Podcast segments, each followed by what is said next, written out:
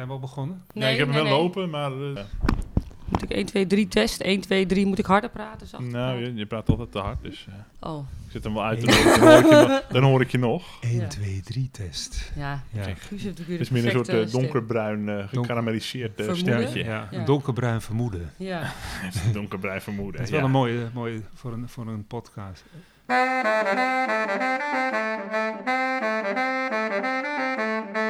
Welkom bij het Zaans kwartiertje. Luister naar Katja Zwart en Edwin Kleis. Ze konkelen voezen wat af hoor. Welkom bij het Saas kwartiertje. We zijn eh, terug van niet lang weg geweest. Yes, en eh, met een eh, nieuw iemand aan tafel, hè? Guus Bauer, welkom. Dankjewel. En, en we willen Ruben heel erg bedanken voor zijn bijdrages tot nu toe, natuurlijk.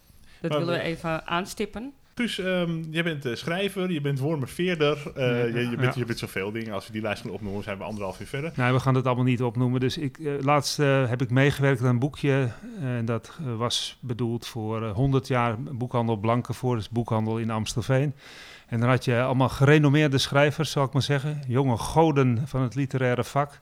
En die, eh, je moest eh, zelf een bio inleveren. En mijn bio was vrij simpel. Namelijk Guus Bauer schrijft, geeft uit, recenseert en maakt ook nog wel eens muziek. En de anderen hadden zoiets van, een A4'tje is niet genoeg, snap je wel? Oh, Ja. Ja, dus... wat, wat eh, lamlendig als je heel lang over jezelf gaat Nee, lopen. dus, da, dus daar doen we niet aan, zou ik maar zeggen. Guus, hoe lang woon jij in Wormerveer?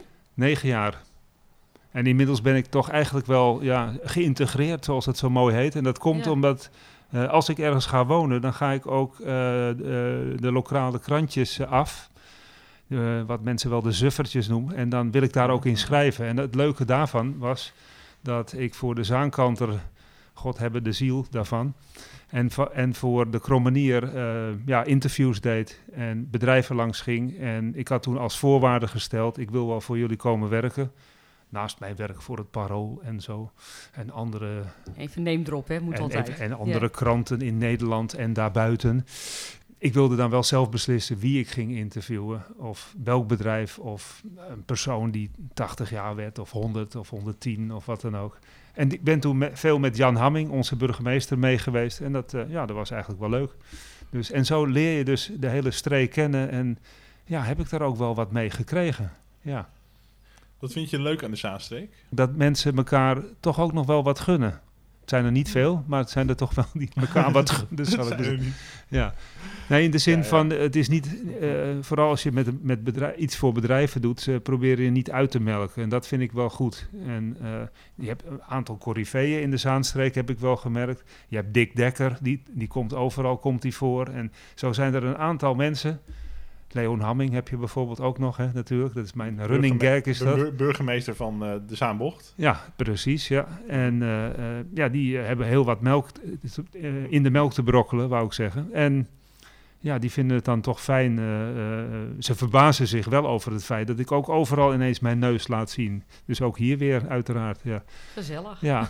Maar wat, wat, wat vind je leuk aan de Zaanstreek? Ja, ja, juist eh, dat het toch nog wel een beetje meer kan dan in de stad. En dat de mensen niet zo blasé zijn over het algemeen. Die coryfeeën zijn natuurlijk, dat is hun beroep. Hè? Dat zijn potsenmakers in eerste instantie. Maar ja, aan de andere kant eh, kunnen ze wel veel organiseren. Ik was overigens van de week was ik, eh, bij een, een eetclub van Zaanse ondernemers, die ik niet bij naam ga noemen. En eh, ja, het, was, het eten was prima. Ik zit op dieet, dus ik was een beetje een toeschouwer. En eh, daarnaast eh, werd er ook wel wat wijn gedronken. Er werd verschillende wijnen geproefd. Ik dronk ook geen alcohol. Dus ja, dan zit je er zo'n beetje bij. En het was heel gezellig en ik sprak met veel mensen. En ik, af en toe had ik een leuk verhaal en dan weer een serieus verhaal. En aan het einde eh, zong ik live mijn nummer Beleg je geld in alcohol, waar krijg je anders voor je centen? Soms tot wel 40 vol procenten. Nou ja, en dat was natuurlijk de knaller van de avond. Dus dan zaten ze op de tafel mee te dreunen en mee te zingen. Ja, daar heb ik veel Ze hebben niet veel nodig, hè? Wat- da- da- pardon? Ze hebben niet veel nodig hier. Nou ja, aan het einde niet, zou ik maar zeggen. Het ligt, ligt aan het verloop van de avond, zullen we zeggen. Ja, ja, ja. ja.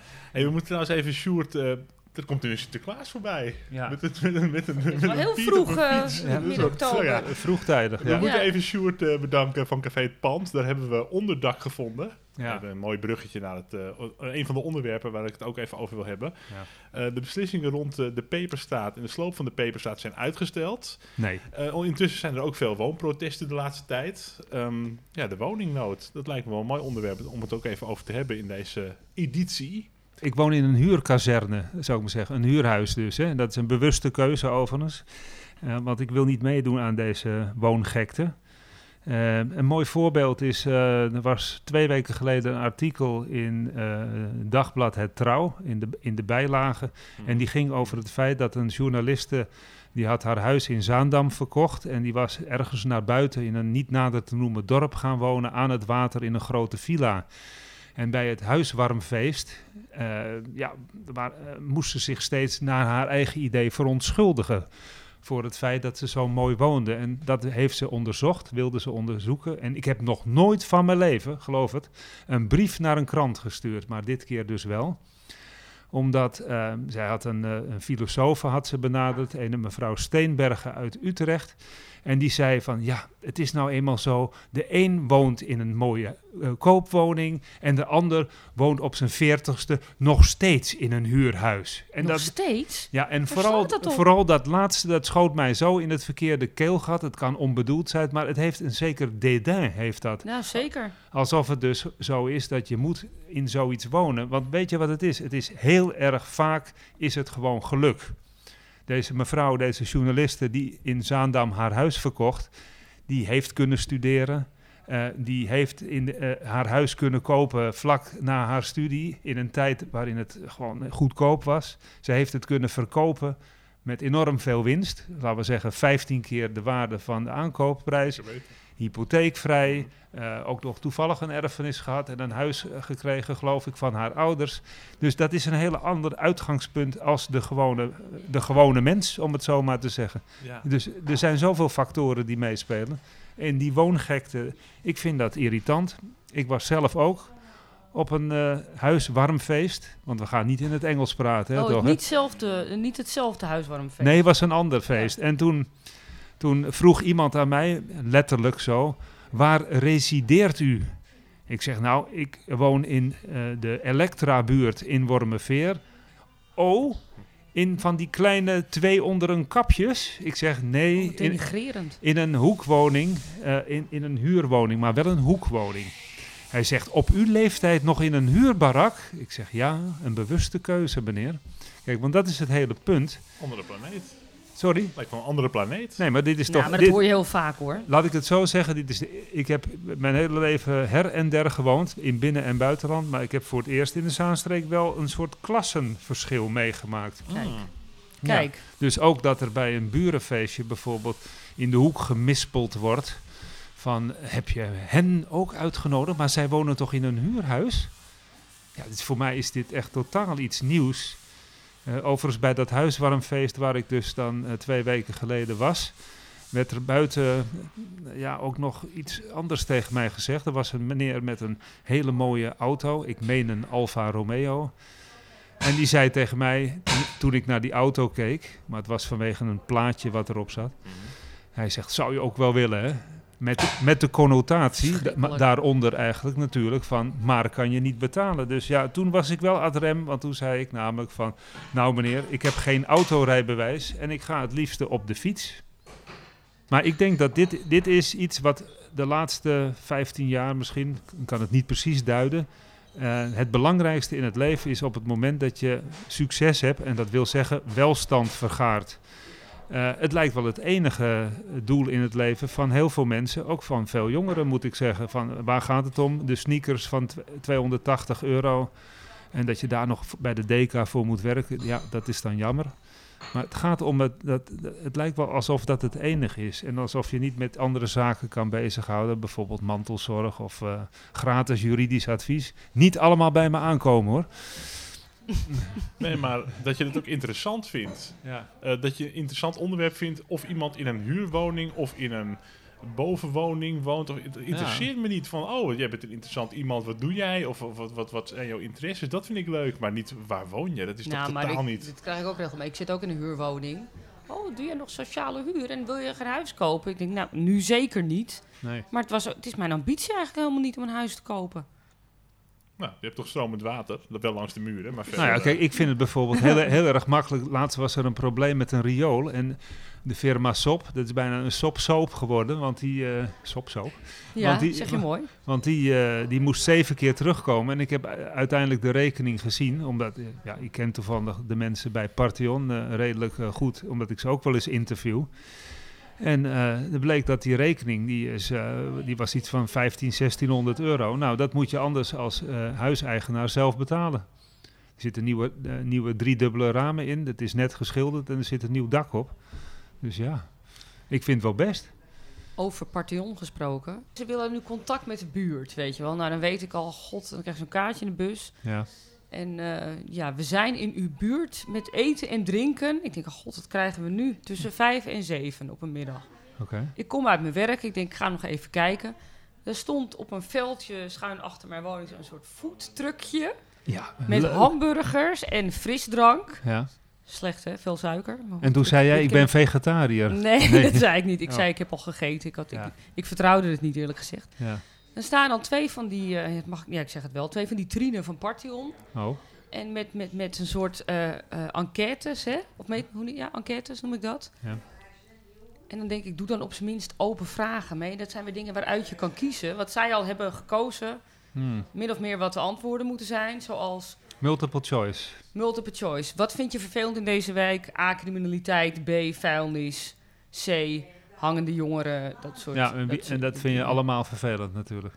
Nou, ik vind het niet allemaal Nee, maar ga, vervelend. ga eens Maar- echt Ja. met mensen in gesprek en vraag eens open, stel eens open vragen en schrijf op wat je hoort. Ja, maar er staan er dus een Ja. soort van acht mensen, terwijl er, ehm, nou ja, weet ik wel, bijna honderd wonen of zoiets. En dan zeg ik, goh, zijn jullie ook de deur langs geweest? Ja, nee. Nou, dat vonden ze toch wel te veel gedoe allemaal.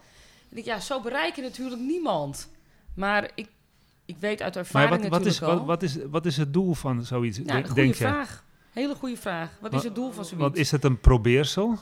Of is het zo dat, dat, eh, dat er daadwerkelijk een eh, goed idee achter zit? Of is het maar weer zo een... Het, ja, Ja. ja. het voelde als weer zo'n iets. Net Ja. zoals die van die buurtbijeenkomsten of hè, met post-its en dat soort onzin allemaal. Weer zoiets. En dan denk ik, het hoeft niet. Het hoeft niet. Kom dan gewoon niet.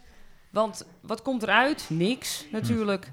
Ze eten een keer een hamburger met een bewoner. Nou, nou. Ja, Ja, jouw wooncarrière, eh, dat, woord, dat woord wordt nu gebruikt. Hè? Wooncarrière? Wooncarrière. oké.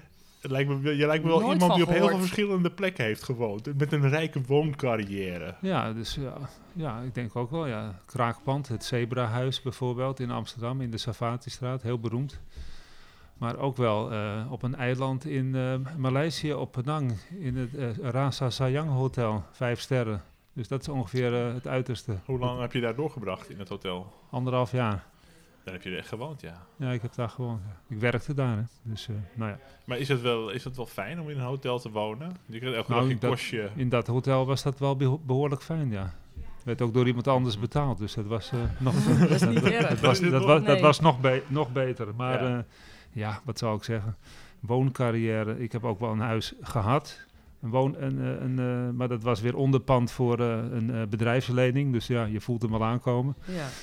En in Amsterdam heb ik wel in Noord, Zuid, Oost en West gewoond. En ook nog in het centrum. Dus feitelijk, als je het zo wil bekijken, ben ik van eh, eh, Marina del Rey, dat is bij Los Angeles, verhuisd naar Wormerveer. Dus dat is absoluut natuurlijk een stap, Wat een voor, vooruitgang. een stap voorwaarts, zou ik zeggen. Ja, ja. Hebben we nog oplossingen trouwens voor de wooncrisis? Zo Nou, het, is, de- ik kreeg laatst, het leuke van eh, het journalistieke vak is dat je af en toe dus eh, persberichten krijgt voordat ze überhaupt bekend worden gemaakt. Ik hoop dat het na deze podcast ook zo blijft. De houtbouw die komt terug in, eh, in, in Zaanstad, moet ik zeggen. Ja. Hm.